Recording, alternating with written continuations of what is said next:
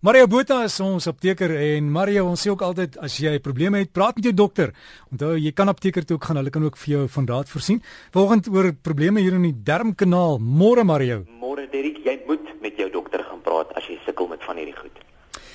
Jy jy gaan vandag praat oor ietsie wat as dit nou in Afrikaans is dan weet ons nie lekker wat dit is nie. 'n Sprikkelbare darmsindroom. Ek dink die mense ken meer die Engelse term, né? Ja, die Engelse roep hom irritable bowel syndrome of IBS. Dis ja. die mees algemene. So in Afrikaans praat ons ook maar somme van ek het IBS of ek ek ly weer vandag aan IBS, maar dis eintlik prikkelbare darmsindroom.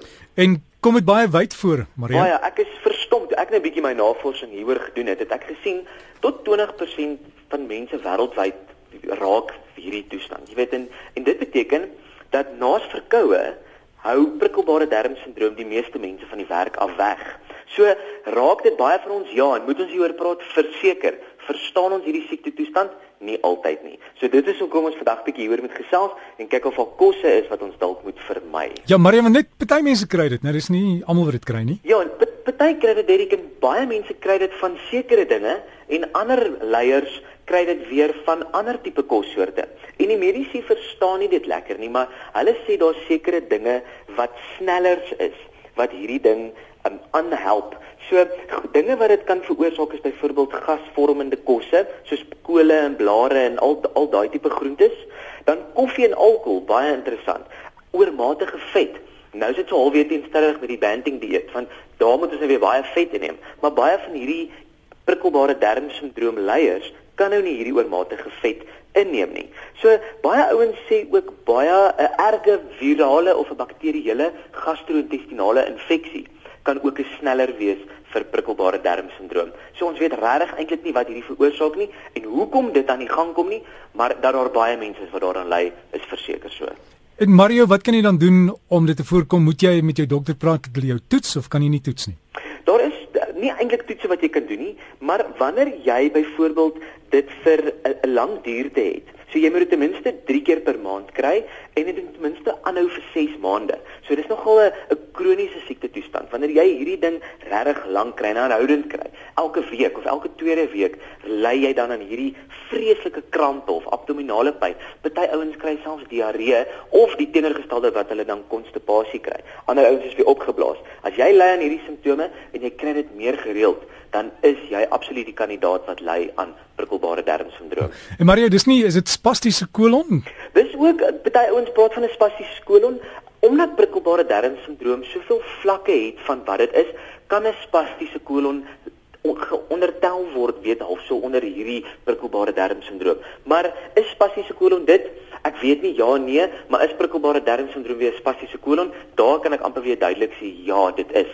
So dit is regtig moeilik om hierdie ding te beheer, maar ons kan baie dinge doen om hierdie te vermy. En dinge wat jy kan doen is, gaan sien jou dokter, maar voor dit, hou 'n dagboek van simptome en gewoontes en kossoorte en veral jou gemoed. Skryf jou persoonlike inligting neer. Hoe voel jy daai dag? Is daar baie spanning by die werk? Hulle sê spanning kan nogal lei dat jy aan prikkelbare darmsindroom kan lei. Jy weet en en noem dit vir jou dokter, vat hierdie lys of hierdie hierdie dagboek wat jy gehou het vat dit na jou dokter toe en daar kan ons dalk 'n patroon agterkom en ons kan sien wat moet jy vermy, watse tipe toestande moet jy vermy, watse tipe situasies moet jy vermy of kossoorte? En dan kan ons jou toestand probeer verlig. Maar jy kan ook oor die toonbank dinge gaan probeer, gaan probeer vir jou lakseermiddels. As jou prikkelbare darmsindroom lei dat jy konstipasie het, gaan kry vir jou lakseermiddel.